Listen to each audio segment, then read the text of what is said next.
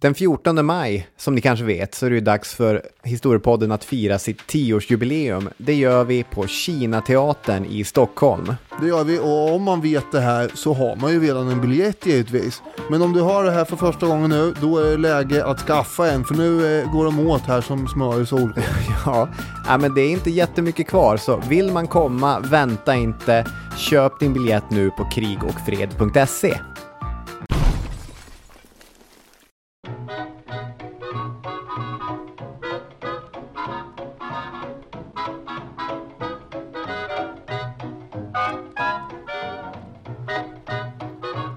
Och det rullar, yes.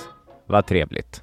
I princip alla kulturer har riter och ceremonier sammankopplade med att två människor i ett samhälle går från att vara ensamma till att höra ihop.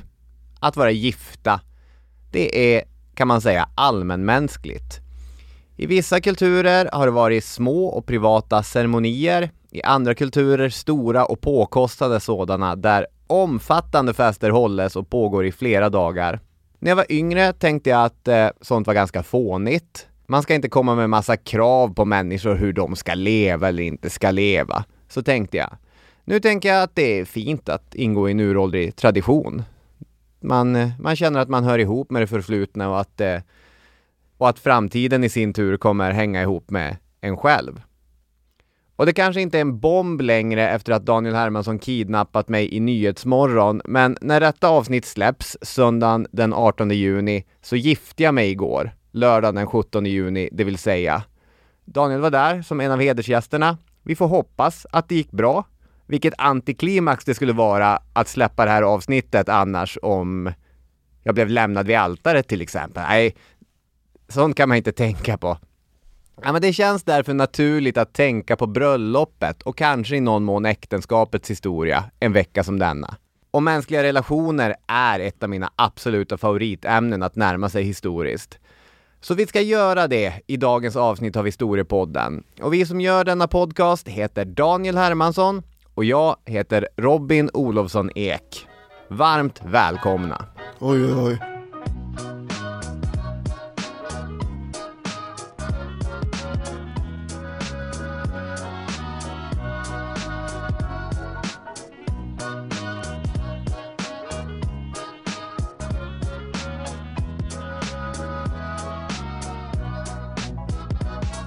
Ja, varmt välkomna. Det är mycket här nu att hantera. Först tänkte jag att jag verkligen ska förklara hur fint det var att höra dig prata om att sitta ihop med historien och att framtiden sitter ihop med historien och att allt är ett enda ihopflätat, bara lång kedja av mänskliga relationer och händelser och traditioner. Det är ju det är ju en resa som Robin Olofsson Ek har gjort då tydligen.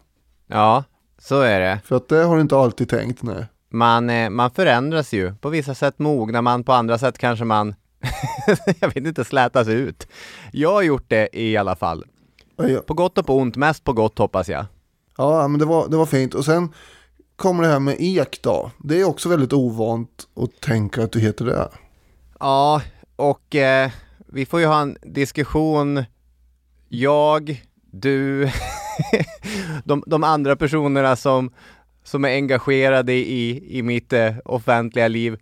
Jag vet inte, jag kommer ju juridiskt heta Robin Olofsson Ek, om jag kommer göra det i podden och, och så, det, det återstår att se. det här kanske är en testballong, se hur, hur lyssnarna reagerar på det. Uh -huh. Det låter ju, Robin Olofsson Ek låter väl ändå lite mer intelligent än Robin Olofsson. Jag vet inte varför du skulle göra det. Men eh, du tänker att det no har någon klang. Var det inte Ulysses S. Grant där S inte står för någonting? Utan eh, jo, hans föräldrar tyckte bara att man behöver något i mitten där. Ja, och sen nämnde du det här med kidnappningen i Nyhetsmorgon. Det var ju en spektakulär braksuccé. Eh, Robin, jag tänkte fråga en helt annan sak också eftersom det är vår och mm. man undrar hur du har det med kärlekslivet. Som till och med Svensk Damtidning plockar upp och beskrev. En klunga av främmande män eller vad det stod. Gör plötsligt entré från skuggorna. Han broderar ut lite men det var ungefär så det stod. Och eh, ja. drog med sig dig då. Eller först krönte vi dig och sådär. Mm. Och det var ju också lite roligt. Det här är ju första gången eh, sedan poddens eh, riktiga barndom som vi omnämns i Svensk Damtidning. Ja. ja. Då var det med som ett, ett tidigt poddtips när det inte fanns så många poddar. Här är en som pratar om kungar i alla fall. Tycktes Svensk Damtidning resonera. Ja, men nu var det ju både en kungakröning och bröllop inblandat och då var vi med på noterna igen. Plus att Jenny Strömstedt var med. Ja, det var en total skräckupplevelse och väldigt roligt. När ramlade polletten ner att vi var där? Såg du i någon tv framför dig så att säga att eh, vi kom bakom? Eller var det när du kände att nu står det några bredvid mig och sätter på en mantel? Här? Nej, det var när jag kände att det stod några bredvid. Jag tittar aldrig på skärmen i, i direktsändning, utan jag, det är min regel. Jag tittar bara på programledaren. Och i övrigt så var ju den här eh, svensexan också väldigt lyckad tycker jag. Mycket, mycket starka minnen. Quality sleep is essential for boosting energy, recovery, and well being. So, take your sleep to the next level with Sleep Number. With a Sleep Number smart bed, you can individualize your comfort level and enjoy a better sleep night after night. JD Power ranks Sleep Number number 1 in customer satisfaction with mattresses purchased in-store. And now the Queen Sleep Number C4 smart bed is only $1,599, a saving of $300 only for a limited time. For JD Power 2023 award information, visit jdpower.com/awards. Only at Sleep Number stores or sleepnumber.com. Millions of people have lost weight with personalized plans from Noom, like Evan, who can't stand salads and still lost 50 pounds. Salads, generally, for most people, are the easy button, right? For me, that wasn't an option. I never really was a salad guy. That's just not who I am. But Noom worked for me. Get your personalized plan today at Noom.com. Real Noom user compensated to provide their story. In four weeks, the typical Noom user can expect to lose one to two pounds per week. Individual results may vary. Normally, being a little extra can be a bit much, but when it comes to healthcare, it pays to be extra. And United Healthcare makes it easy with Health Protector Guard fixed indemnity insurance plans. Underwritten by Golden Rule Insurance Company, they supplement your primary plan, helping you manage out of pocket costs without the usual requirements and restrictions like deductibles and enrollment periods. So when it comes to covering your medical bills, you can feel good about being a little extra. Visit uh1.com to find the Health Protector Guard plan for you. Historiepodden sponsras av Länsförsäkringar och det är vi glada för. Förutom alla de löften man har med sig själv och med andra människor så finns det ju löften som handlar mer om föremål. Det låter, det låter konstigt det här känner jag. Mot föremål, hur menar du då? Rören där hemma, de som leder in och ut ur varmvattenberedaren, där uppfattar jag att de har avgett löftet vi håller tätt och leder vatten. Det, är, det är vår grej. Det, det är löfte vi ger till dig. Det är vår grej. Jo, så kanske man kan uttrycka i och för sig. Sen är det väl knappast någon avsikt här egentligen vad som ligger bakom att de eventuellt slutar hålla tätt. Nej. Och därigenom bryter sitt löfte. Exakt så. Vi är överens. En vattenskada, det är ju ett jättebra exempel på ett brutet löfte. Ja, kanske det. Och i så fall, kom ihåg att Länsförsäkringar kan hjälpa dig med bra försäkringar och då spelar sådana löftesbrott som Robin pratar om här mindre roll ändå. Tack för det Länsförsäkringar! Historiepodden presenteras i samarbete med IKEA. Jag menar att allt i ett hem snurrar kring köket. Kring rågflingorna som puttrar i grötkastrullen, den hackade löken och vitlöken som svettas i stekpannan och de poppande majskornen i mikrovågsugnen. Där ryms nästan allt i livet. Från slentriandagarna till det absolut extraordinära. Ja, så är det ju. Och just därför så underlättar ju ett välplanerat kök så mycket. Eh, och eh, på IKEA, där är man ju experter på smart förvaring. Det känner vi alla till. Och inte minst så stämmer ju det när det gäller köket. Och du kan boka in en kostnadsfri planeringshjälp i ett av varuhusen eller en planeringsstudio eller online. Där har vi då en expert som kommer att hjälpa dig att designa ditt drömkök. Sväng förbi ditt IKEA eller gå in på ikea.se kök.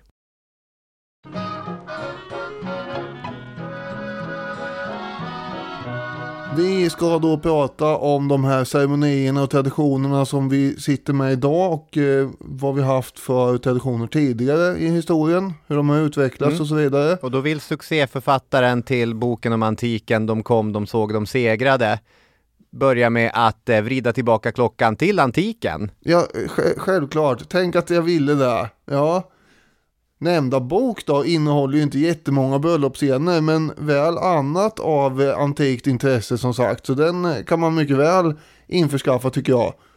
Finns det någon bröllopsscen i boken? Det är...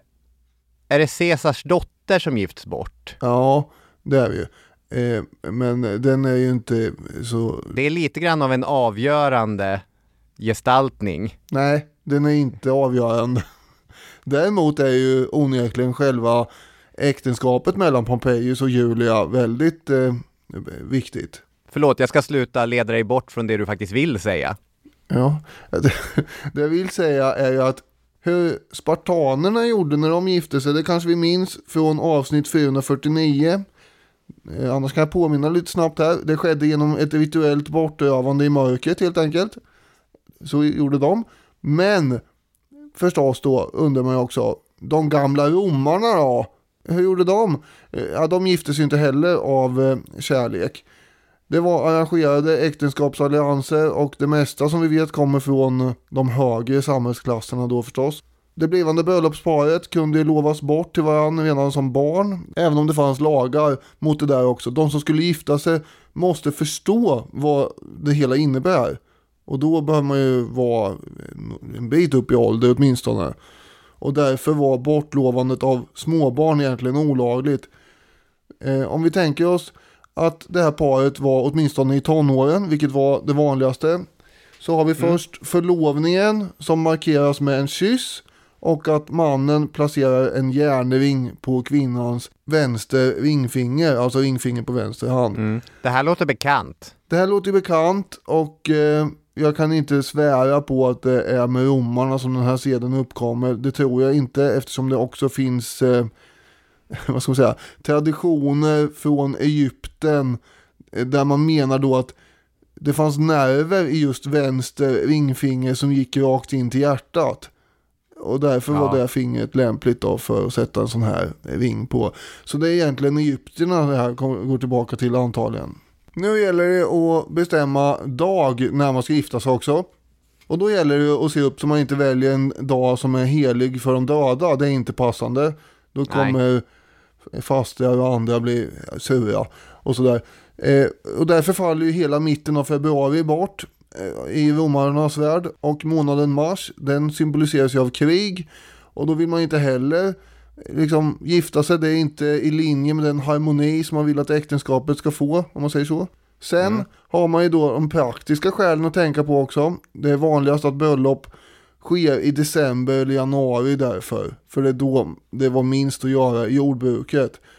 Det var inte läge att ignorera inbjudningskorten när ens sysslings barnbarn skulle gifta sig eftersom det var en social plikt att närvara. Så man behövde ju dyka upp när man fick en sån där eh, inbjudan. Å andra sidan så var det nog sällan någon som ville avstå från en sån här skojfrisk fest med mycket mat och skålar.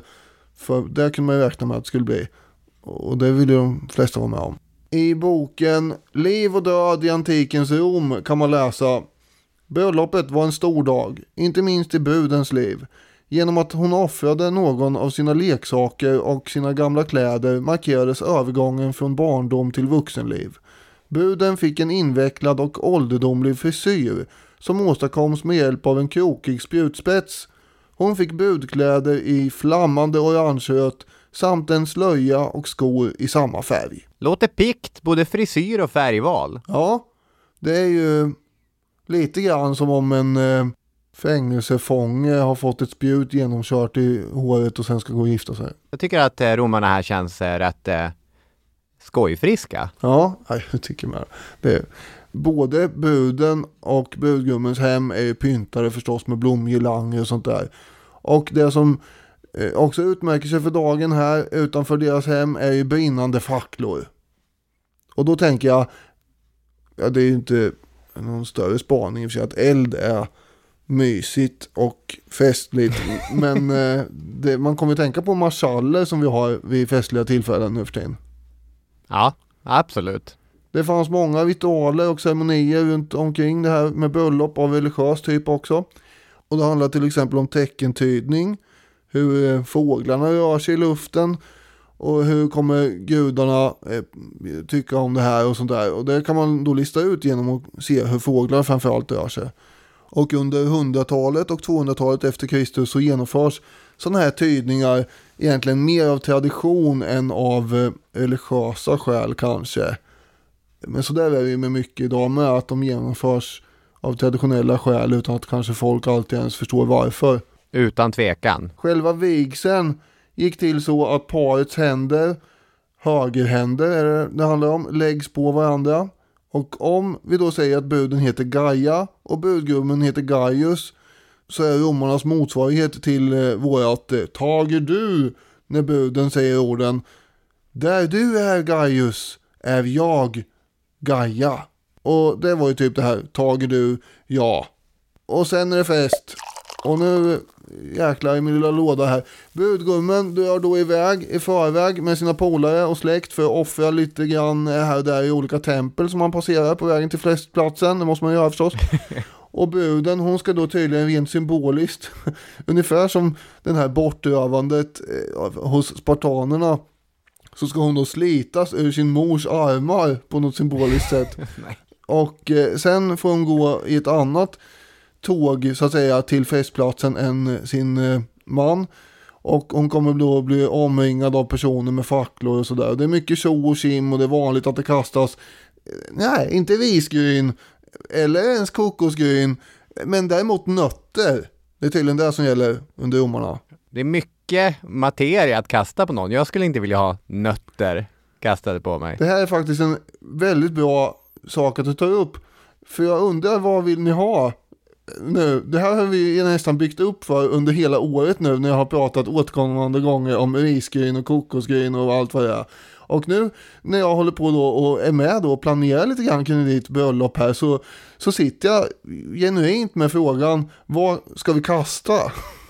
Alltså, är argumentet för kokos att eh, det är så här fåglars magar exploderar inte av det och det är vitt och fint och så. Ja det är ju något med magarna hos de här pippifåglarna som man ska ta hänsyn till. Då, då säger vi kokosflingor. Det kan vara så att det inte alls är där, utan vi får kanske gräva lite mer här, eller du kan få göra det. Jag, jag, jag gräver i, i, i grynen och ser vart vi ja. landar i den frågan. Men...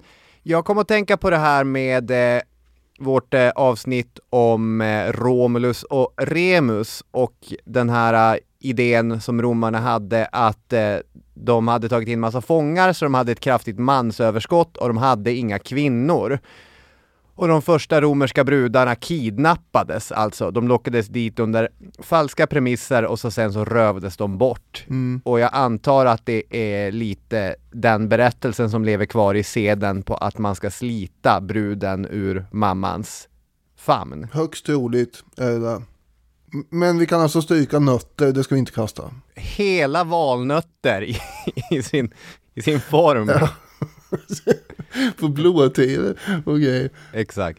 Form, skal är ett annat ord man brukar använda för det som finns runt nötter. Men det är en slags form också. Jaha. När alla är framme i alla fall vid budgummens hem, då ska ytterligare några sådana här ritualer som är viktiga gå av stapeln innan själva ätandet börjar. Och en av de intressanta sakerna är då att en av fackelbärarna som är längst fram i budens processionståg eh, kommer att kasta sin fackla över, antar jag, utan att kolla så noga, bara kasta den bakåt. Och den som fångar den kommer få ett långt och lyckligt liv. Och det här ledde ofta till tumult eftersom många ville fånga den här facklan.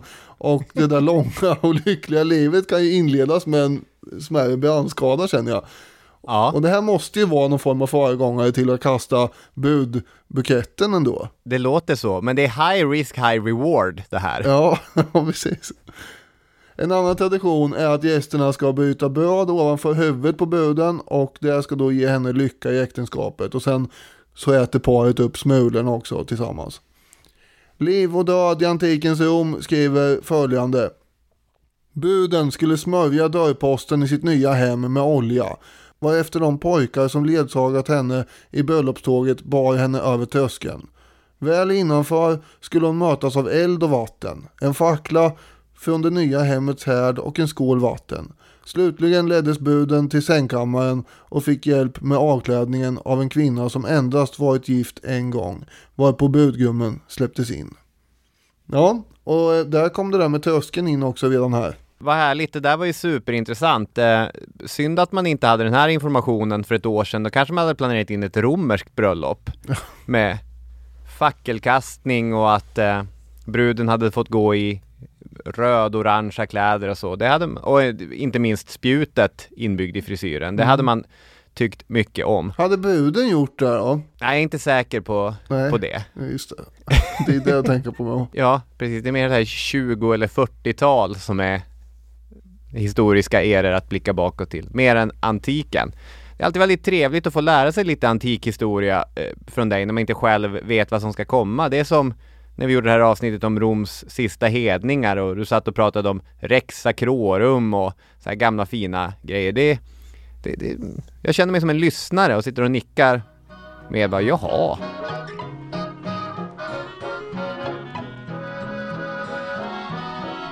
Det här avsnittet börjar i den traditionella bildningens tecken för jag tänkte att vi ska prata lite grann om fornnordiska bestyr. Äktenskapet som i det här avsnittet upplevs genom dess eh, främsta rit. Bröllopet har ju varit centralt i historien och är det.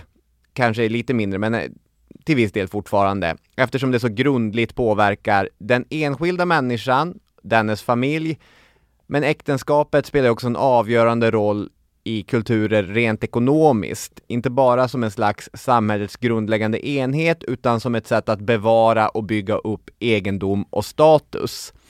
Så var det säkert i Rom och så var det definitivt på Island och Norge och liknande. Jag tänkte vi ska ha lite högläsning. Det här är från en av världslitteraturens klassiker, islänningasagan Njals saga, skriven sent 1200-tal av en anonym författare. Den utspelar sig under sent 900-tal och tidigt 1000-tal. Stycket som eh, jag kommer läsa här kommer redan i andra kapitlet och det är ganska långt, men vi kan, jag vet inte, sluta ögonen om ni inte befinner er i trafiken och så och låtsas att det är en ljudbok ni lyssnar på. En gång redo bröderna Höskuld och Rut till Alltinget. Där var mycket folk samlat. Höskuld vände sig till Rut. Jag ville, broder, att du ställde det bättre för dig och sökte dig en hustru. Länge har jag tänkt därpå, svarade Rut. Och jag har varit mycket tvehågsen, men nu vill jag göra dig till viljes. Vart skola vi vända oss? Höskuld genmälde. Många hövdingar är och nu på tinget och lätt är det att göra ett gott val. Dock har jag redan tänkt ut stället där det bästa giftet för dig finnes. En kvinna heter Unn och är dotter av Mård Giga, en mycket vis man. Han är här på tinget och dottern med. Och kan du se henne om du vill. Dagen efter, då man drog till lagrätten, såg de kvinnor i vacker bonad stå utanför rångomännens bod. Höskuld sade till Rut, där är Unn som jag talat med dig om. Vad synes dig om henne? Gott, svarade Rut. Men jag vet ej om vi två skola äga lycka samman. Därpå ginge de till lagrättan. Här lade Mård Giga ut lag som hans vana var. Sen gick han hem till boden. Höskuld och Rot stod då upp och följde efter. De trädde in i boden där Mård satt längst inne och hälsade honom.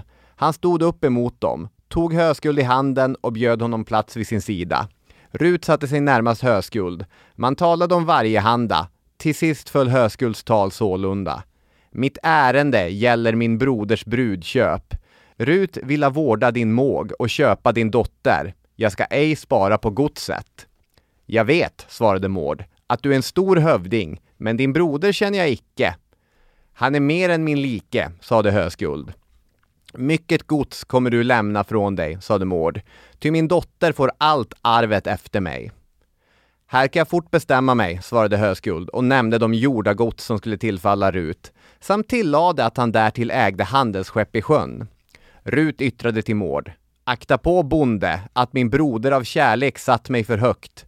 Men om du vill gå in på giftet, låt mig höra villkoren. De har jag redan tänkt ut, sade Mård Hon skall 60 hundraden i silver och de skola ökas med 30 hundraden i din gård. Men får ni arvingar ska bogemenskap vara emellan er till lika skifte. Detta är med om, svarade Rut. Låt dem oss få vittnen hit. De reste sig upp, tog varandra i hand och Maud fäste bort sin dotter Unn. Bröllopet skulle stå hos Maud halv månad efter midsommar. Slut! Nu kanske den här äh, ljudboken är över och så återgår vi till Historiepoddens bröllopsavsnitt. Ja. Nej, det där var ju spännande. Det här är ju stor litteratur. Det bästa vår kultursfär har att komma med. Ja.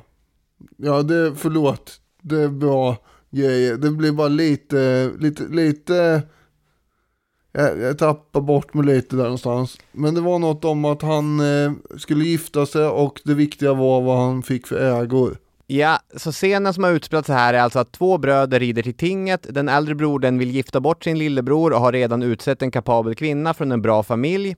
Efter att den yngre brodern sett henne och tyckt att hon ser ganska snygg ut så påbörjar man en förhandling med hennes pappa. Den går rätt snabbt i lås eftersom båda parterna verkar vilja föra det här i hamn. Mm. Om man kan gott dröja sig kvar vid just den här aspekten av eh, äktenskap och bröllop, för in på 1800-talet så var det fortfarande, som på Island, som i antikens Rom, det vanligaste med den här typen av resonemangsäktenskap. Man utsåg en representant för vardera part. Bönemannen som talte för brudgummen och giftomannen som i regel var brudens far för brudens sida. I det här fallet så har vi ju då brudgummens bror som för hans talan och vi har brudens far som för hennes talan. Och sådana äktenskap kallar vi alltså för resonemangsäktenskap. Idag upplevs de ju som rätt otidsenliga eftersom vi sett med dagens perspektiv lever i en tid och i en kultur där kärleksäktenskapet verkligen utgör idealet. Två människor ska älska varandra. Vill man vara lite tvärs över kan man väl slå fast att ett äktenskap som är baserat på en förhandling som går ut på att bygga ett fungerande och varaktigt samarbete kan nog vara mer hållbart än eh, ett äktenskap som är byggt på en känsla som ju kan vara flyktig. Allt sånt där blir ju för sig bara sant på gruppnivå. Det går ju att hitta fruktansvärda resonemangsäktenskap och väldigt lyckade resonemangsäktenskap och det går att göra samma sak med kärleksäktenskapen. Men tillbaka till Njals saga, för jag var inte riktigt klar med den. Jag lovar att inte läsa mer högt ur den, men jag tänkte ändå dröja mig kvar vid scenen. Det här blir inget lyckligt äktenskap. För Rut, som han lite förvirrande heter, han är alltså en man, kommer ingå i den norska kungens hird, alltså vara en av kungens närmsta personliga krigare. Mm. Och när han är i Norge så blir han drottningens älskare. Oj, oj, oj. Mhm. Och när drottningen fick reda på att han redan hade en fästmö på Island så förbannade drottningen äktenskapet så att Rut inte kunde fullborda sina äktenskapliga plikter. Han klarar alltså inte av att ligga med sin Unn. Och därigenom har Unn underlag för att få äktenskapet hävt. Skilsmässor var inte så dramatiska affärer under vikingatid, i alla fall vad det verkar.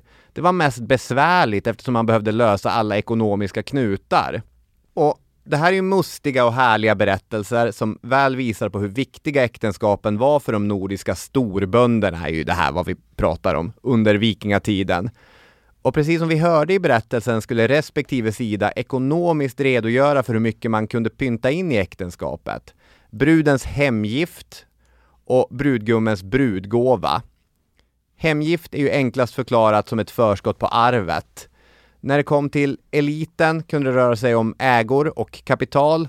Men när hemgiften sen under ja, medeltid, men framförallt in på tidig modern tid, blir lagstadgad, då handlar det ju för de flesta istället om att man har med sig lite möbler och, och lite linne och sånt in i äktenskapet. Det var, det var väldigt få som kunde säga att dessutom så skickar vi med Värmland i hemgift.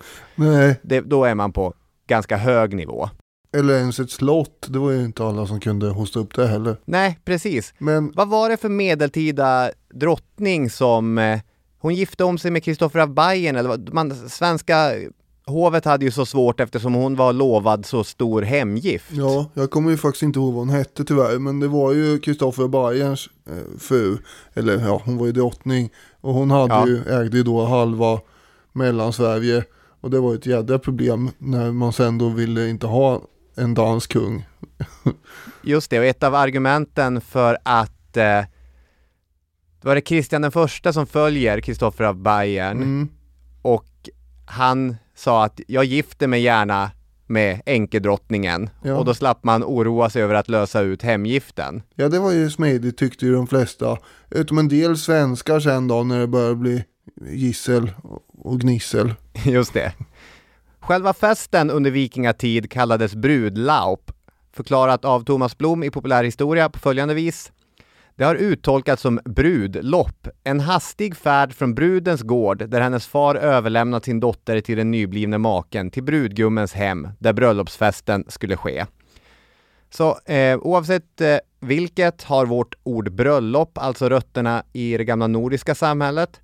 Ordet fanns även länge i den gamla engelskan som brideloop, men konkurrerades med tiden utav veddung, eller veddian, som då har blivit wedding, vilket syftar till att trolova sig själv till någon annan. Och jag tror, men det här är jag inte säker på, att eh, även vigsel kommer från samma forngermanska verb som wedding, men jag kan ha fel där. Ja det här budloppet är ju ändå spännande. Då ska de vara så, så fort som möjligt. Bege sig ifrån budens hem där hennes pappa då överlämnar henne till budgummen. Det, det, det ska gå undan där. Och det är väl, det är väl eh, något för att inte hennes, eh, vad ska man säga, döda gamla släktingar, andarna ska följa med in i det nya hemmet på något sätt.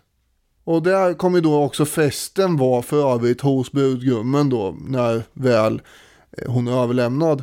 Apropå bröllopsfester så blev man ju lite besviken, eller man, jag, när jag fick eh, inbjudan till det här evenemanget som gick av stapeln igår då, eftersom, eh, vad jag förstod, så pågick det bara då en dag. Ja. Det är slut nu idag när det här avsnittet, eller ja det kanske fortsätter för en del, men det är ju egentligen en dag det handlar om. ja, det är Tunt. riktigt snålt. Mm. Vikingarna hade ju trott att det var ett skämt liksom. Eh, På den tiden då så tyckte man ju att en bröllopsfest som rinner ut i sanden efter tre dagar, det är ett jädra fiasko där. En vecka måste festandet hålla på i alla fall. Men Ja. eh, du följer ju din samtidsnormer så det är ju inte helt fel kanske. Det brukar ju vara en dag det handlar om. Det blir sä- Ja. säkert fantastiskt hade vi. Redan under första kvällen så skedde ju kanske det rituellt viktigaste under ett vikingabröllop. Då var det ju sängledningen som innebar att eh, vissa eller ibland alla bröllopsgäster i mycket ritualiserad tappning följde med brudparet in i sovrummet och beskådade att de kröp ner under täcket. Mm. Det här är alltså en förkristen ritual. Det är inte så starkt källläge om hur det fungerade.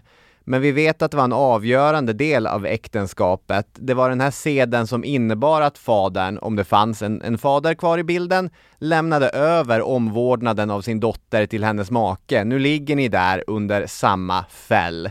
Nu är det ni två som får hålla ihop. Och sängledning nämns i de svenska landskapslagarna och kommer även fortsatt att bli en viktig del av det kristna bröllopet också under medeltiden och tidig modern tid och faktiskt in i hyfsat modern tid.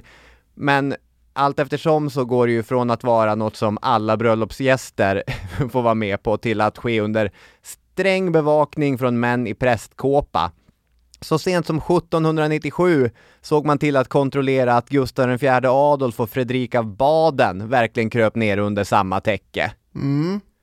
Men vad jag förstått så är det sista gången man kollade att eh, kungaparet verkligen hamnade i säng tillsammans. Ja, sen kom ju det här moderna 1800-talet.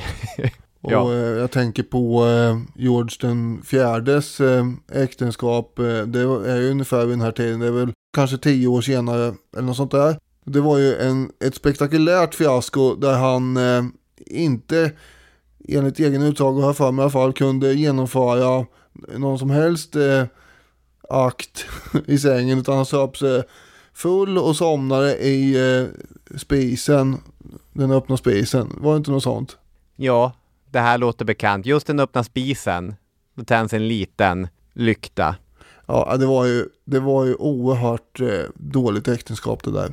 Och det ska Ja. vi nog vara glada över att ingen var med och behövde betrakta hur det var där inne. Å andra sidan så får vi lita på vad han säger också kring det där. Ja. Och hon då, för hon var ju inte heller nöjd med någonting överhuvudtaget. De var ju djupt missnöjda med varandra. Ja, så kan det också bli. Där har vi eventuellt en baksida av resonemangsäktenskapen. Min poäng som jag har försökt göra, det är ju en uppenbar, nästan banal poäng, men det är alltså att det finns flera inslag i den äldre nordiska kulturen som sedan kristendomen tog över. Men det kristna äktenskapet och de fornnordiska skiljer sig ju på många sätt åt också. Bara en sån sak som vikingarnas bihustrur och eh, frillor, det var inte någonting som man tyckte var så jäkla bra från katolicismens perspektiv, utan en man och en kvinna. Ryan Reynolds här från Mint Mobile.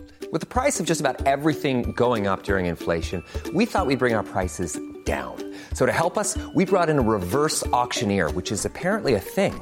Mint Mobile unlimited premium wireless. Have to get 30, 30, bit to get 30, bit to get 20, 20, 20, bit to get 20, 20, bit to get 15, 15, 15, 15 just 15 bucks a month.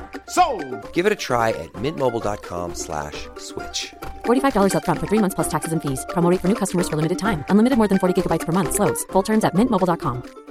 Quality sleep is essential for boosting energy, recovery, and well being. So, take your sleep to the next level with Sleep Number. With a Sleep Number smart bed, you can individualize your comfort level and enjoy a better sleep night after night. JD Power ranks Sleep Number number one in customer satisfaction with mattresses purchased in store. And now the Queen Sleep Number C4 smart bed is only $1,599, a saving of $300, only for a limited time. For JD Power 2023 award information, visit jdpower.com/awards. Only at Sleep Number stores or sleepnumber.com. Millions of people have lost weight with personalized plans from Noom, like Evan, who can't stand salads and still lost 50 pounds. salads generally for most people are the easy button, right? For me, that wasn't an option. I never really was a salad guy. That's just not who I am. But Noom worked for me. Get your personalized plan today at Noom.com. Real Noom user compensated to provide their story. In four weeks, the typical Noom user can expect to lose one to two pounds per week. Individual results may vary. Historiepodden presenteras i betalt samarbete med Tre. Trevligt ju! Allt är inte som man tror. Alliansens grundande har jag tänkt på. 2004 hemma hos Centerledaren Maud Olofsson i Högfors. Alla minns ju bilderna från badtunnan. Vi tror oss veta att de satt där i en badtunna. Korvgrillning, badtunna och ett nytt politiskt projekt. Men i själva verket så kom ju det här från något Maud Olofsson sa. Och som av en händelse, va, så har jag ett citat här från hennes självbiografi. Media behöver fler bilder. Alla frågar efter badtunnan som jag har utlovat. Tyvärr går inte det. De andra partiledarna är rädda för fotografierna. Det är inte alltid som man tror, med andra ord. Och en annan sak som ligger i den riktningen är att Tre nu täcker 99,3% av Sveriges befolkning med sitt nät och sin täckning. Det avser rösttäckning baserat på folkbokföringsadress. Ja, och läs mer på 3.se. Och tack igen till 3 som sponsrar oss och kom ihåg, allt är inte som du tror.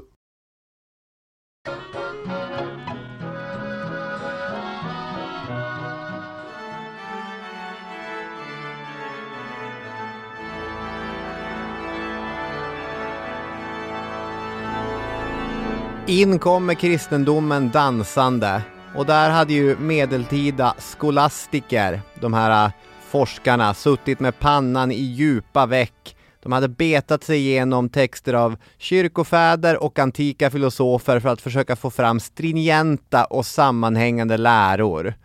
Och en sak som hade givits mycket stort intresse, det var ju det här, vad är det egentligen som leder till frälsning? Och på 1100-talet, då hade man inom den katolska världen landat i att det finns sju företeelser som leder till frälsning. Det här är ju de sju sakramenten.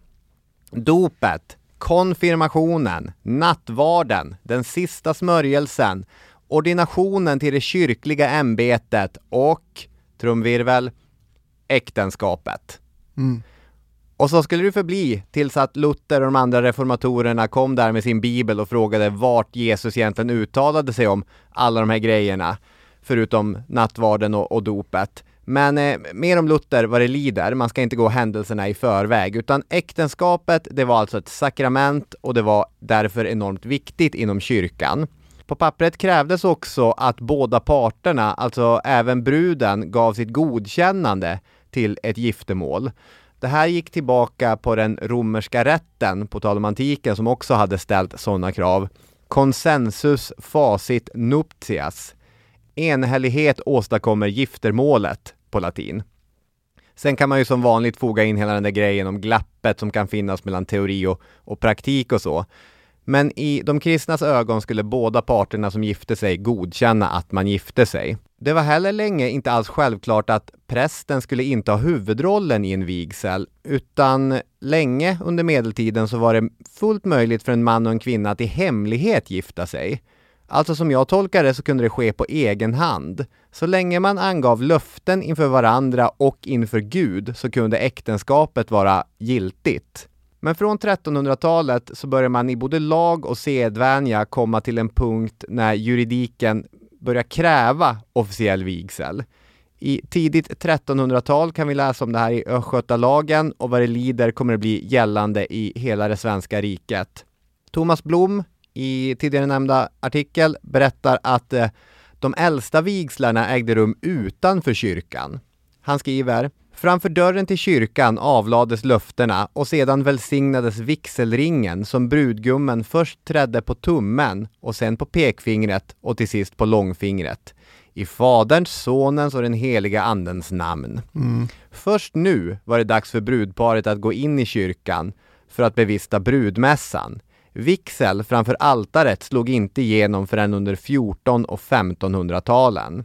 Sen ska man komma ihåg att vigseln länge länge var helt sekundär till trolovningen. Det var alltså viktigare att man lovade bort sig till en annan än att det var så fruktansvärt bråttom med själva vigseln, med, med att eh, knyta det här sista knuten. 1734 blir vigseln obligatorisk enligt svensk lag, så alltså under hela medeltiden så gick det bra att inför vittnen komma överens och sen utbyta ringar. Och sen avslutar man det ungefär som på romarnas tid genom att liksom lägga händerna på varandra eller genom att skaka hand med varandra.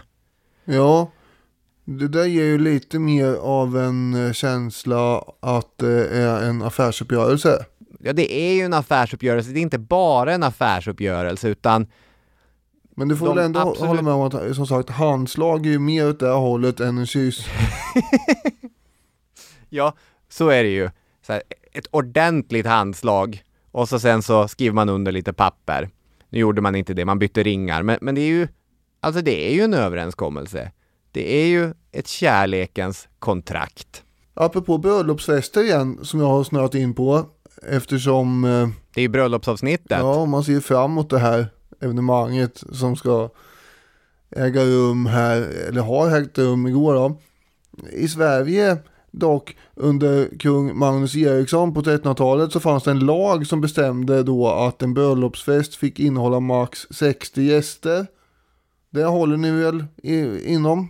Jag tror att det, vi är 63. Vilka tre sp- sparkar vi ut?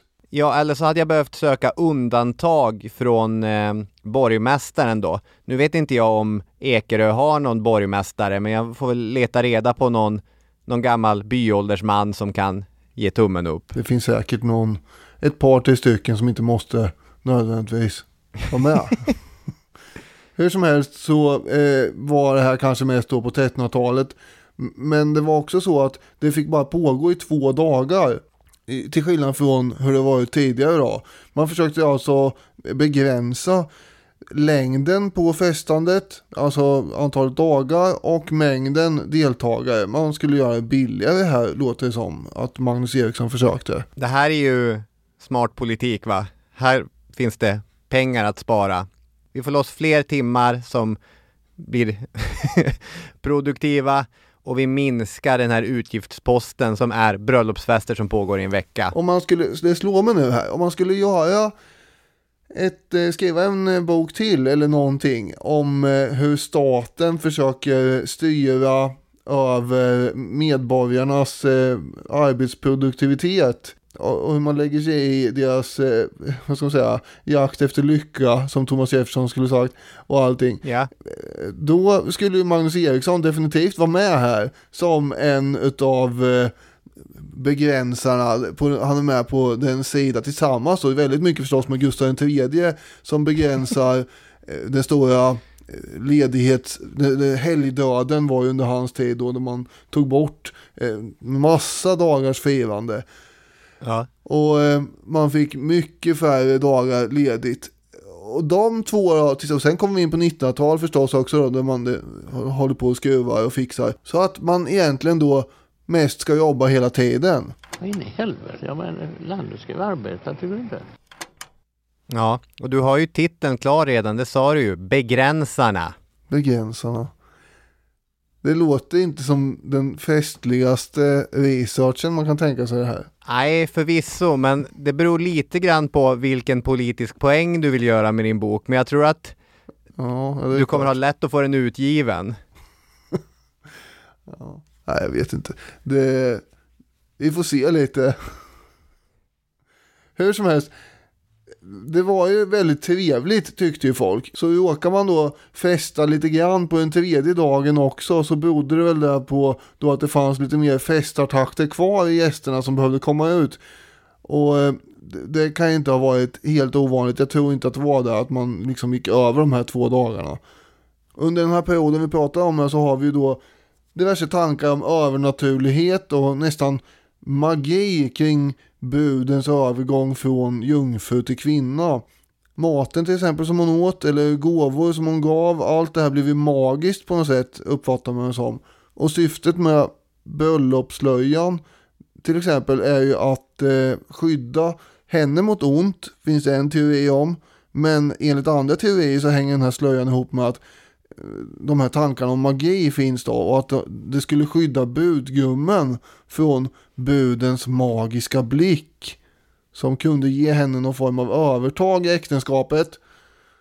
Det är lite beskön-vibb på det jag sitter och säger nu men, eh, men så, så här har det i alla fall sagts. Det finns ju massor med sådana exempel på medeltida seder. Brudkronan, det är väl kanske någonting som är på tillbakagång. Man ser inte så många brudkronor nu för tiden. Nej. Men eh, när man tittar på äldre bröllopsfoton från eh, men den generation som eh, våra far och morföräldrar tillhör, då var det absolut inte ovanligt med en fin brudkrona. Och det är kanske en sed vi ska ta tillbaka. Var kommer den ifrån nu igen då sa du? Ja, men den har medeltida bakgrund, även om jag inte kan svara precis vem som kommer på den. Om man lånade alltså en silverkrona eller så tog man en krans ifrån någon helgonbild. Och det var viktigt att det var endast en brud som var jungfru som fick bära den här huvudbonaden. Mm, okej. Men en annan sed som jag vill prata om med rötterna i medeltiden, det är lysningen. För på fjärde Laterankonciliet 1215, det är kanske ens favoritlaterankoncilium ändå. Nej, man har ju fördömt motpåvar och, och, och dylikt. Och det har varit liv i luckan och folk har varit arga och, och, sånt. Ja. Så att eh, det finns ju fler va? Men det här är din, Ja, är det. här är din favorit. Ja, fast nu när du säger det, det är som att välja vilken är den bästa Carola-låten. Det alla är bra. Ja, det är exakt samma sak. Ja, På fjärde Laterankonciliet i alla fall, då hade man enats om att man behövde ha en lysning som skulle ske. Så i kyrkan skulle man offentligt tillkännage att ett äktenskap var inplanerat. Och det här var för att gå till botten med huruvida det fanns några orsaker till varför det var olämpligt att Pelle på udden gifte sig med Lisa Björndotter, liksom. Det kanske satt någon i någon kyrka som visste att de där två är ju för bövelen släkt. Eller det finns ett allvarligt groll mellan familjerna som kommer förhindra deras lycka. Och i så fall så fick man försiktigt smita fram till prästen efter och säga att du, jag tror inte att de här två ska gifta sig. Och eh, enligt förfarandet, i alla fall som det skrevs in i landskapslagarna, så skulle det här ske tre söndagar i följd före bröllopet.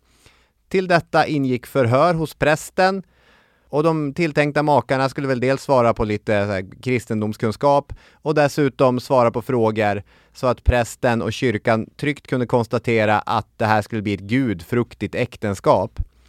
Lysningen, den levde kvar länge i Sverige. Den hade ifrågasatts redan 1913 då en lagberedning konstaterade att eh, i ett land med svensk kvalitet på folkbokföring så har vi egentligen inget behov av något lysningsförfarande. Vi vet ganska bra vilka som är släkt med varandra och så. Dessutom går inte alla i kyrkan längre så man kan inte heller påstå att det här är bästa sättet att nå kreti och pleti. Det har ju hänt lite där under industrialismen Ja, som har liksom förstört den här eh, traditionen. men lysningen är ett sånt bra exempel på någonting som börjar som en praktisk grej. En samhällelig kontrollmekanism, men som istället blir del av traditionen.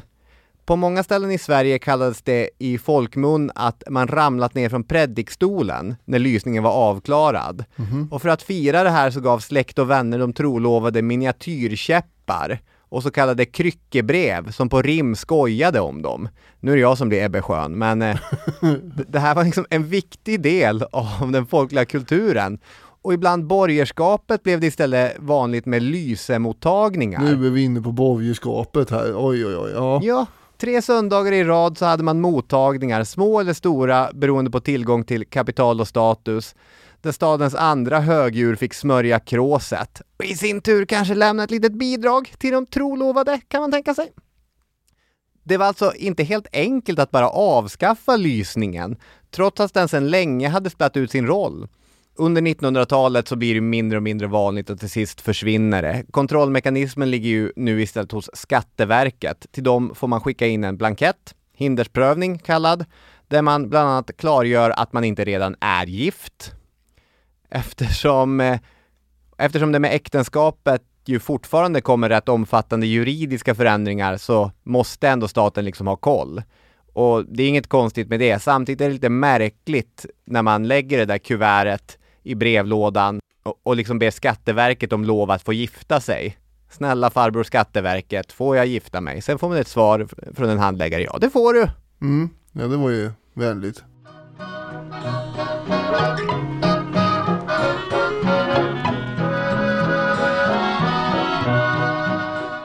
Det troligen enskilt viktigaste bröllopet i svensk historia. Det stod i Storkyrkan 1525. Brudgummen heter Olof Pettersson. Bruden heter Kristina Mikaelsdotter. Och eh, ja, det här låter ju inte så himla spektakulärt och, och storslaget. Men det som gör bröllopet speciellt är att Olof Pettersson är mer känd under sin latinisering av namnet, nämligen Olaus Petri. Oh my god. Ja, var inte han lite präst? Jo, det var han ju. Superpräst. Han hade ju studerat i Wittenberg just från 1516 och framåt. Och eh, Ja. Wittenberg, där fanns det ju andra eh, som snurrade vid den här tiden. Direkt så hör man vart problemet har uppstått här. Ja, Vart han har plockat upp sina radikala tankar. särskilt då om man har hört avsnitt 173 om Luthers reformation. Man kan ju ha fångat upp det här någon annanstans med i och för sig. det fi- finns många andra sätt att få information om Luther. Men vi vet då att det är i oktober 1517 som Luther lanserar sina 95 teser. Dock, jag håller på att läsa en bok på kvällarna som, eh, av Daniel Udén som handlar om, eh, vad ska man säga, mysterier och grejer. Och det verkar som att det kanske inte finns så jättebra bevis på att han knackade upp de här teserna på kyrkporten trots allt. Ja, den berättelsen vill man inte vara rota för mycket i.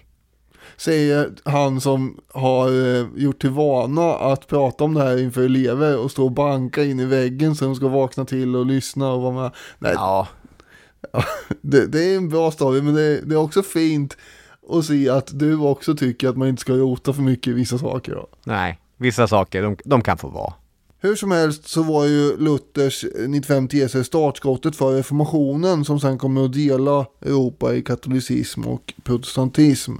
Och Luthers teser är då en kritik mot katolska kyrkans ritualer som inte har stöd i Bibeln, som du var inne på innan här.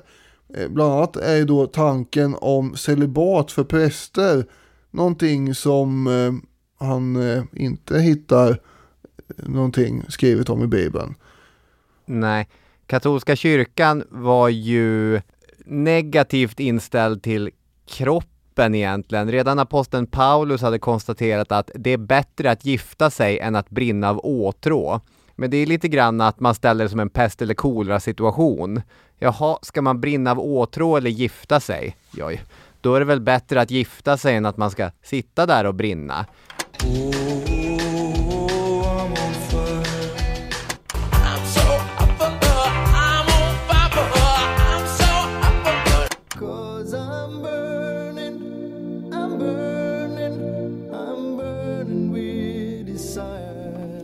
Men absolut mest eftersträvansvärt var celibatet. Det var ju idealet. Munkar och nunnor, de var ju gifta med Jesus och la inte fokus på kroppslig kärlek, på, på, på jordsliga ting, utan de levde i den andliga världen. Mm. Vi andra som lever under köttets tyranni, det var inte lika fint. Nej, de här skulle ju då framstå som mer rena än andra och skulle ju då leva i celibat och inte gifta sig. Men många präster och diakoner och andra med de här celibatlöftena i Nordtyskland börjar ju anordna bröllop som rena demonstrationer mot det här under eh, slutet av 1510-talet. Och det var ju en, ett tydligt traditionsbrott egentligen då mot vad som har varit regel i kyrkan innan. Ja, ja, vi är präster, ja, vi gifter oss här nu, vad är med det ja, vi, vi, vi gifter oss väl om vi vill det, eh, menar de på ungefär. Och när en präst då gifte sig i en stad så var det ofta en markering av att protestantismen har kommit till den här staden nu. Och i början mm. av 1520-talet så cirkulerar många olika texter som argumenterar för att präster ska få gifta sig. Och Luther själv gifte sig 1525 för övrigt med en nunna som också hade haft ett celibatlöfte då. Ja, sin käte Katarina von Bora, före detta nunna som lämnat sitt nunnekloster. Sex barn resulterade det äktenskapet i, vilket ju låg helt i linje med vad Luther tyckte och tänkte. Människor, även präster, skulle gifta sig och sen skulle man leva tillsammans som ett kött och det köttet skulle resultera i, i nytt kött, tyckte Luther. Mm. När vi skulle prata om Luther så tog jag fram eh, Per Svenssons härliga gamla Lutherbiografi som jag gärna läser i när jag får en chans. Och jag tänkte kort eh, läsa om Luthers egen boning på följande sätt då. Jaha. Det stora huset i utkanten av staden var en egenartad syntes av studenthem, hotell, konferensanläggning, lantbruk, bryggeri, barnhem och sambandscentral för reformationsrörelsen. Det var ett liv och ett kiv, ett kaleidoskop av ljud och lukter. Sorl, skrik och svordomar från gatan, dävna dunster från Elbe, stönanden och suckar från ett av rummen där en student ligger febersjuk, skrattsalvor från köket, pustar av gödselstank, snabba steg i en trappa, råmanden från fähuset, stråk av mättad rök, matos och ett envetet mummel från doktorns arbetsrum, skrik från kolgården, hundskall, barnskrik och barns joller. Och det här är ju inte den här tysta, ordnade klostertillvaron, utan Nej. det här är ju ett, det är ett stök och ett bök och där lever gifta människor och ligger med varandra.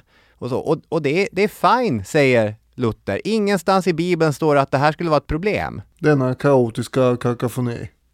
Nej, Nej. det är bra med kaotisk kakafoni. Och någon som tyckte att det också var bra, det var ju Olaus Petri som då var väldigt eh, inspirerad av Luther. Och han hade ju varit diakon i Strängnäs och sen hade han kommit då eh, genom sin chef Laurentius André i kontakt med kungen 1524 och ja, vi har passerat 1523. Kungen heter Gustav Vasa här.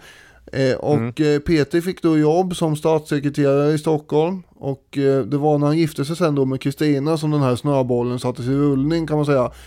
Petri ville ju ha en förändring i Sverige. Och att gifta sig som präst det var ju ett sätt att föra frågan om protestantiska reformer till sin spets kan man säga.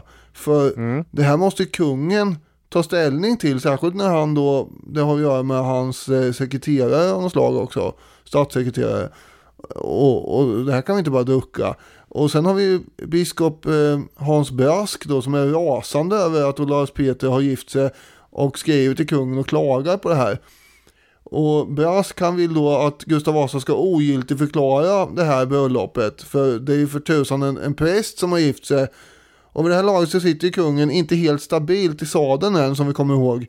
Han har ju till exempel inte krönt sen, det sker ju 1528. Och att göra sig osams med påvestolen i Rom här vore ju inte helt lyckat. Han har ju lite andra fiender Mm. att tänka på med. Men samtidigt behöver ju kungen pengar. Och den gode Olaus Peter han förklarar då vad hans mål är. Jo det är att vi ska reformera kyrkan. Så att påvens inflytande faktiskt går att skära bort. Och att präster ska få gifta sig. Och att kungen kan vara kyrkans överhuvud. Det är det vi vill här. Jaha, och då är det ju som att man ser framför sig hur ett ljus tänds ovanför Gustav Vasas huvud. Och så spricker han upp i ett enda stort mysleende bakom de här mustascherna. Och det hela slutar ju förstås då med att kungen svarar biskop Hans Brask att Olaus Peters äktenskap, det har minsann stöd i Guds lag. Och Gud, han, han förbjuder inga giftermål mellan diakoner och borgarflickor inte. Varför skulle kyrkan göra det i så fall? Nej. Och, och, och nu kommer då Gustav Vasa fram här som riddare för kärleken och Guds sanna ordning. Och, eh, och så kan han storma ut och lägga vantarna på kyrkans egendomar samtidigt. Det är perfekt allt det här. Naturligtvis. Det här är en win-win situation för alla utom biskop Brask då. Ja, just precis. För trygg i kungens beskydd kunde Olaus Petri öppna tryckeri och ge ut skrifter som öppet argumenterade för prästers rätt till äktenskap. Och inte minst hetskt gick till angrepp mot det stora hyckleriet som fanns inom skråt, där man lovade celibat men sen återkommande bröt sina löften. Skämmes på er, som ni för er. Och samtidigt så försvann väl Hans Brasks tryckeri någonstans där i Söderköping så att eh, de stackars guiderna fick hitta på ett ställe där det kanske låg och sen satte man upp en skylt. Här var det nog eventuellt. Just det. han- hans texter blev indragna fort som fattan istället. Historikern Kajsa Brilkman har skrivit om det här i populärhistoria. Hon skriver efter Olaus Petri och Gustav Vasas gemensamma svar på biskop Brasks brev förstod denne att han förlorat och nöjde sig med att påpeka att han hade varnat för konsekvenserna. Flera liknande händelser skulle följa. Olaus Petri skulle skriva många texter där han argumenterade för alla fel han såg och hur man skulle kunna göra kyrkan bättre.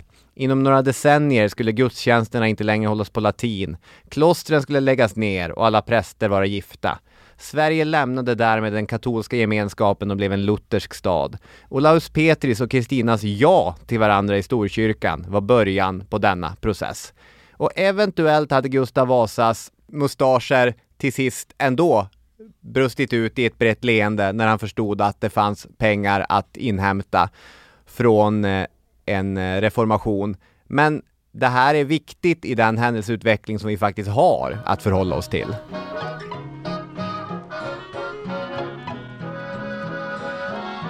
Okej, jag tycker ändå att vi har slagit fast att bröllopet och vigseln, det är mycket gamla och viktiga traditioner. Men en av mina teser är ju att egentligen så allt det vi gör, det kommer mer eller mindre från 1800-talet. Lucia, kräftskivor, bröllop. Ibland så kan det vara tidigt 1900-tal också, men då är det kulturellt 1800-tal som fortfarande gäller. Men alltså, jag vet att du hävdar det här, eh, men vi har väl ändå motbevisat det lite grann i det här avsnittet. Vi går ju tillbaka till ja, antiken. Jag, Ja. jag vill ju hävda det, ja, att mycket kommer därifrån snarare, om man ska gå verkligen till roten. Sen är det klart, i den form vi har eh, det idag och som det utövas idag i många fall så är det väl eh, kanske 1800-talet. Men eh, jag tror man åt kräftor även under antiken. Ni får läsa i, i min bok De kom, de såg, de basunerade och, och donderade. Vad 1800-talets borgare lär oss om makten och människan och kulturen. Ja. Det var ju drottning Victoria som på 1840 satte skåpet. Vit klänning, slöja, rubbet. De äldsta exemplen som vi har på just den grejen kommer förvisso redan från 1400-talet, men det är ju Victoria som populariserar det och sen kommer det under 1900-talet spridas även inom breda folklager. Ja, alltså det var ju även hon som populariserade julgranen Ja, i form av eh, en tidningsartikel där den här julgranen beskrevs så himla ingående. Kanske var det till och med något foto, jag vet inte. är hon eh, historiens största influencer? En av dem onekligen. Mm. Och gäller ju fortfarande då eftersom eh, den här vita klänningen är ju alltjämt det som man ska ha på ett bröllop till exempel. Mm. Och det här bröllopet mellan henne och prins Albert 1840 det var ju verkligen storslaget också. Det har beskrivits då med viss rätta säkert som århundradets bröllop. 2018, alltså långt efter 1840, så gjorde ju BBC en omfattande dokumentär för att så exakt som bara möjligt återskapa hela det här bröllopet i detalj. Och det var en lavin av experter inom mat, kläder, musik och allt annat som bidrog för att få det här att bli så exakt som möjligt. Och man kan säga att det här satte ju tonen eh, för att det blev viktigt att gifta sig elegant igen och försöka efterlikna kungahusen. Och det var ju säkert de här borgarna vi pratade om som framförallt ville det först. Och sen så kommer det att spridas även till andra samhällsklasser att man ska det här med att vigseln blir viktigt helt plötsligt. Bröllopet är det viktiga, inte bara trolovningen. Mm. Mm. Nej men verkligen, det är en jättebra poäng att göra. Pedagogiskt och tydligt. Jag tänkte ge ett exempel då när det har tricklat ner till just borgerskapet. Det har inte tricklat ner helt och hållet till eh, bönder och arbetarklassen, men vi har ju en jättefin, vacker vit klänning och ett pampigt bröllop från det svenska 1800-talet. Vi pratar givetvis om det högborgerliga bröllopet mellan Wilhelmina Kempe och Walter von Hallwyl. Familjen Kempe kom ursprungligen från svenska Pommern. Tidigt 1800-tal kom två av Kempebröderna till Sverige, Johan Karl och Wilhelm Fredrik Kempe. Och det här var en familj som kom att grunda och driva massor med framgångsrika bolag. De var aktiva inom sågverksnäringen, varvsnäringen och i träbranschen. Vad har vi? Vi har Mo och Domsjö, Modo som ett arv från det här. Wilhelm Henrik, han grundade Ljusne Voxna AB. Och eh, under 1800-talet så fanns det enorma summor i de här eh, branscherna. Inte minst tack vare Storbritannien och att man var sugen på träråvara. Och Johan Karl Kempe, han hade väldigt många barn. Men Wilhelm Fredrik, han hade blott ett barn. Wilhelmina. Och trots att familjens resa upp mot samhällets elit hade varit ganska brant, alltså nya pengar om man ska hårdra det, så är det ändå svårt att tänka sig ett bättre giftermål i det svenska 1800-talet än Wilhelmina Kempe. Dels så var hon skärpt, vacker, men hon hade också enormt mycket pengar. Väldigt, väldigt, väldigt mycket pengar. Mycket pengar var det. Ja, det var mycket pengar. Och efter en intensiv och jobbig balsäsong så konstaterade hon att för min fars pengar var jag en uppburen dansdocka. Varenda gentleman och kavaljer i Stockholm ville dansa med Wilhelmina Kempe därför att fick man till ett äktenskap med henne, det hade varit bra va? Ja, hon sprang på väldigt mycket baler där och eh, apropå det vill jag ändå ta och tipsa om avsnitt 431 om eh, andra adliga ynglingar som går på baler i tid och otid. Och ja. kungligheter som hinkar alkohol och allt möjligt. För det där avsnittet kom lite i skymundan av att det kom på juldagen förra mm. året. Och det är värt att lyssna om tycker jag. Så är det. Det här är 1860-tal, så att det är ungefär 20 år efter att eh, den engelska drottningen alltså ställt skåpet. Wilhelmina kommer att träffa sin blivande man, Walter von Hallwyl, utomlands. Han var schweizisk greve och enkeman, bodde på Berns finaste adress, hade ett pikt utseende med ett litet vackert pipskägg, en eh, väldigt bra titel, schweizisk greve, det är ju ändå som du brukar säga, det bästa i Schweiz. Ja, problemet är väl att han eh, inte är greve utan det är hans far som är greve. Och att han är andra sonen, så han kommer inte få ärva en spänn heller. Nej. Därför... Nej, för det finns inte så mycket pengar. Nej. Nej, han kommer umgås med hela familjen Kempe på en kurort i några veckor. Och sen brevledes, om jag kommer ihåg det rätt, så kommer han fria till Wilhelmina via hennes far, såklart. Och vad det verkar så tolkade Wilhelmina det som att Walter inte hade koll på hur tät hon var. Att äntligen kommer in en schweizisk greve som inte har några pengar och ser mig för den jag är det är nog inte sant. Han, han visste att eh, det här var ett gott giftermål. Han hade spionerat på Facebook lite. Ja, han hade gjort det ja. Men det här är ett intressant bröllop att kolla på. Dels eftersom det är pampigt. Om vi börjar i den änden. Anna Maria Erling och Jessica Söderqvist skriver i Populär historia. Lördagen den 10 juni 1865 vigdes Walter och Wilhelmina i Stora salongen i hennes föräldrahem. Bruden var klädd i vitt från topp till tå. Spetsförsedda kalsonger och snöliv, linne, underkjol, strumpor och strumpeband. Överst bar hon en brudklänning i benvit siden moiré och en slöja i vitt silkestyll i två lager. Huvudet kröntes av en myrtenkrona och en krans. Närvarande var släkt och vänner. Så här har den vita klänningen mycket tydligt slagit igenom. Och sen så åker eh, de till Schweiz på bröllopsresa. Och det är också någonting som man har plockat upp från den engelska drottningen. Den här grejen att efter man gift sig, då åker man utomlands för att hänga lite grann. Och här ser vi att det konceptet är mycket tydligt etablerat i högborgerligheten. Ja men det är inte konstigt att utse Victoria till eh, ja, en eh, av eh, de absolut största influenserna Nej, någonsin. Ja, Kommer ni på något bättre får ni gärna gå in på Facebook-sidan och kommentera. Man ska väl säga att Wilhelmina von Hallwyl då, grundaren till Hallwylska palatset här i Stockholm, såklart, hon fick ju den killen hon ville ha. De var gifta i 55 år och hon skrev som 85-åring att hon var mycket nöjd med sitt val. Men det kan man också kontrastera mot den vanliga borgerliga tågordningen. Eh, Jenny Engelke, en representant från Norrköping. Hennes far var stor inom textilindustrins gödda borgerskap. Hon skrev på sin ålders höst följande. När tiden var inne för en friare att anmäla sig vände sig dessa till föräldrarna, vilka avgjorde saken med hänsyn till att få sin dotter väl försörjd.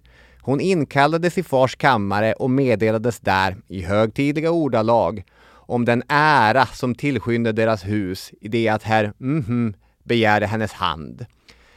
Därvidlag var inte ett val, föräldrarnas önskan var liktydig med befallning och invändningar lämnades utan allt avseende. Därför kunde och en av fruarna inom släkten sanningsenligt säga att i hennes ungdom var ett frieri att betrakta som uppbjudning till dans.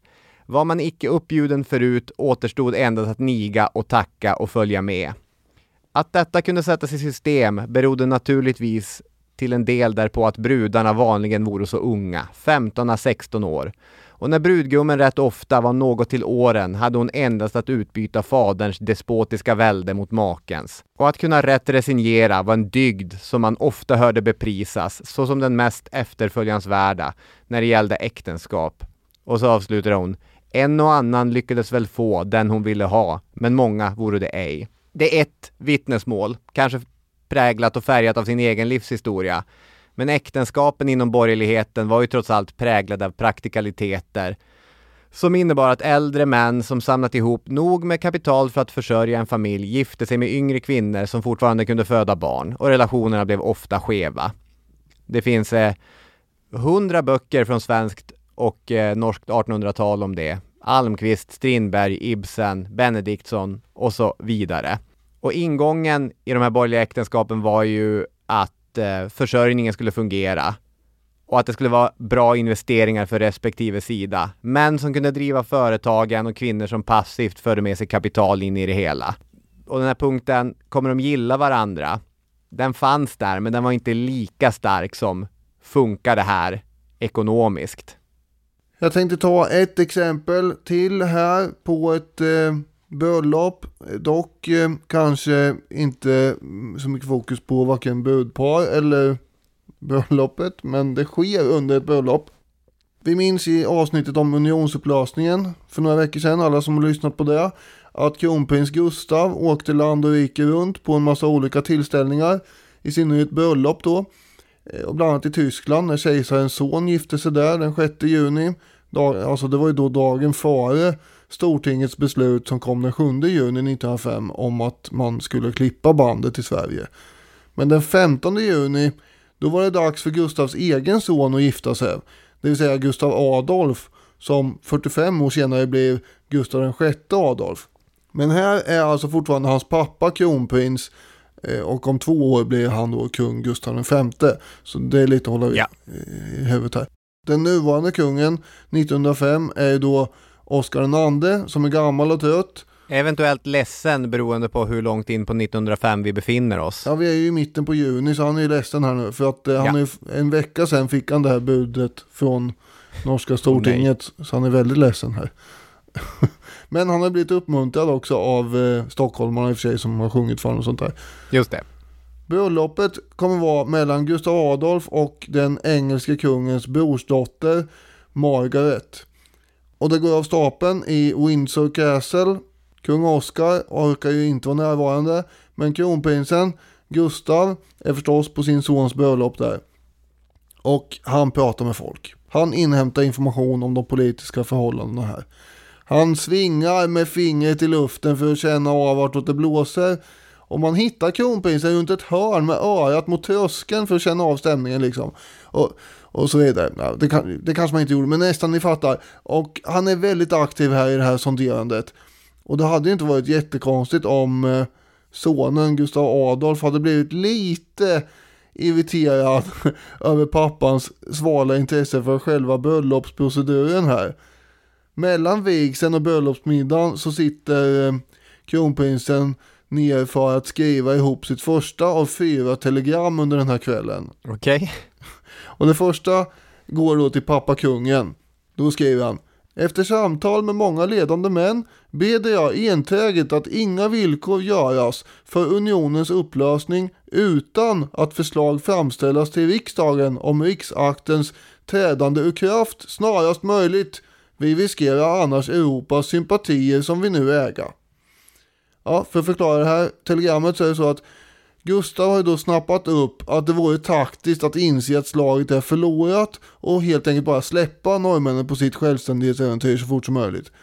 Dock ska ju det här telegrammet skickas med kurir till svenska ambassaden i London och sen ska det där krypteras och telegraferas till UD i Stockholm där det ska avkodas och sen överlämnas till kungen. Med andra ord, det här tar tid. Ja. Och under tiden så kommer Oscar II själv att ta sig för att skicka ett telegram till Gustav i London och han skriver Konungen till kronprinsen. Åsikterna inom regeringen synas kunna enas om att riksaktens omedelbara upphävande icke bör nu föreslås. Och det är alltså då en helt motsatt ståndpunkt. Eh, och eh, det räcker ju att läsa det här telegrammet för att man ska förstå att de här telegrammen har ju gått förbi varandra mellan ja. far och son. Dessutom kan man då kanske lite försiktigt konstatera att ingen verkar bry sig om att slösa bokstäver på något sånt som sonen och sonsonens bröllop här. Stort det... grattis förresten. Ja, nej, det är inget sånt. Eh, mitt när då Gustav sitter vid det här dignande bordet med silverbestick och annat elegant så formulerar han sitt andra telegram och nu är det riktat till utrikesministern och innehåller information om att den engelska regeringen menar då att de kan inte avstå från att diskutera med den norska regeringen om en massa löpande ärenden. De måste prata med norrmännen helt enkelt. Och i samma telegram så vill ju då Gustav också att ministern ska försöka styra riksdagens uppfattning mot hans åsikt. Alltså att man ska erkänna Norges självständighet nu. Och klockan är då halv åtta och han är på sin sons bröllopsmiddag. Det, det är inte som att riksdagen är samlad just då kan jag inte tänka mig. Nej. Måste han skriva det här telegrammet då? Ja, det gör han i alla fall och 35 minuter senare så upprepar han sig i ett nytt telegram och då är klockan 21.05. Kanske har det uppstått en lucka här mellan varmrätten och någon efterrätt som gör att det blir möjligt att telegramma lite till här. Det är ett långt så här högdraget tal från någon på brudens sida. Han tänker, jag piper iväg en stund. Ja, eller sitter han vid eh, bordet och dikterar för någon stackars kurir där eller något, jag vet inte. Han skriver i alla fall Nyss mottagit skiffertelegrammet. Meddelar konungen och statsrådet att jag mycket bestämt fasthåller min chiffrerade åsikt. Gustav. Här har ni fått det där eh, andra meddelandet som gick förbi då och nu svarar han på det. Men han kommer snart att skicka ytterligare ett för att försäkra sig om att de verkligen fattar där borta i Sverige att han inte är för att dra ut på den här frågan. Man ska ju tydligen inte tro att folk förr i tiden alltid hade uppmärksamheten på andra runt bordet. Nej, han är, sitter som om man hade en mobil i famnen. Ja, exakt. Det är bara att istället för att smsa eller skicka Snapchat så skickar han telegram istället här hela ja. tiden. Och framåt ett på natten så skickar han då ytterligare ett telegram efter att han har pratat med kung Edvard den sjunde och premiärminister Balfour. Konungen och Balfour under samtal i afton anser absolut bäst och värdigast icke uppskjuta det oundvikliga avgörandet. Ytterligare skäl mot dröjsmålet är att Ryssland kan bli den första makten att erkänna norska regeringen. Sålunda vinna norsk tacksamhet och göra omöjligt avslutandet av garantitraktat som egentligen avser försvar mot Ryssland. Ja, och när kronprinsen då vaknar dagen efter så har han fått ett sms eller telegram av pappa konungen då. Och då skriver kungen så här. Förtvivlad över dina telegram, men gör ingenting förrän din hemkomst. Oskar. Ja, så då har han svarat. Det är ungefär som att han vaknar upp dagen efter Gustav då, alltså vaknar upp dagen efter sin sons bröllop och så kollar han på telefonen och ser, ja nu har jag fått ett sms från farsan där hemma som är förtvivlad över alla sms som jag skickade igår. Fast han hade ju somnat ifrån dem antagligen då, gubben, Ja. för han var ju gammal och trött. Men eh, ja, vad jag vill ha fram med det här, ja, förutom då att det är en fin inblick i den här febriga atmosfären i juni 1905, är ju att bröllopsfester är sociala tillställningar också där man kan avhandla andra saker än själva bröllopet. Ja. Vilket kronprins Gustav tog chansen att göra här. Nästan i större utsträckning för de flesta gäster handlar det om det. Och det är precis så man vill ha det. Vilken härlig romantisk berättelse att avsluta avsnittet med. Ja, det var ju inte, men det var ju festligt. Och eh, intressant på något sätt att eh, det sker under ett bröllop och vad egentligen kronprins Gustav håller på att telegrafera om, det är ju villkoren för en skilsmässa, om än mellan två länder.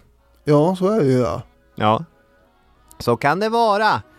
Hörni, tack så mycket för att ni har varit med den här veckan. Nästa vecka blir det ett eh, helt annat ämne. Det blir det och eh, vi ska officiellt från mitt håll även i podden säga stort grattis till bröllopet Robin. Tack så mycket. Hörni, vi hörs igen nästa söndag. Ha det fint. Hej hej! Hej!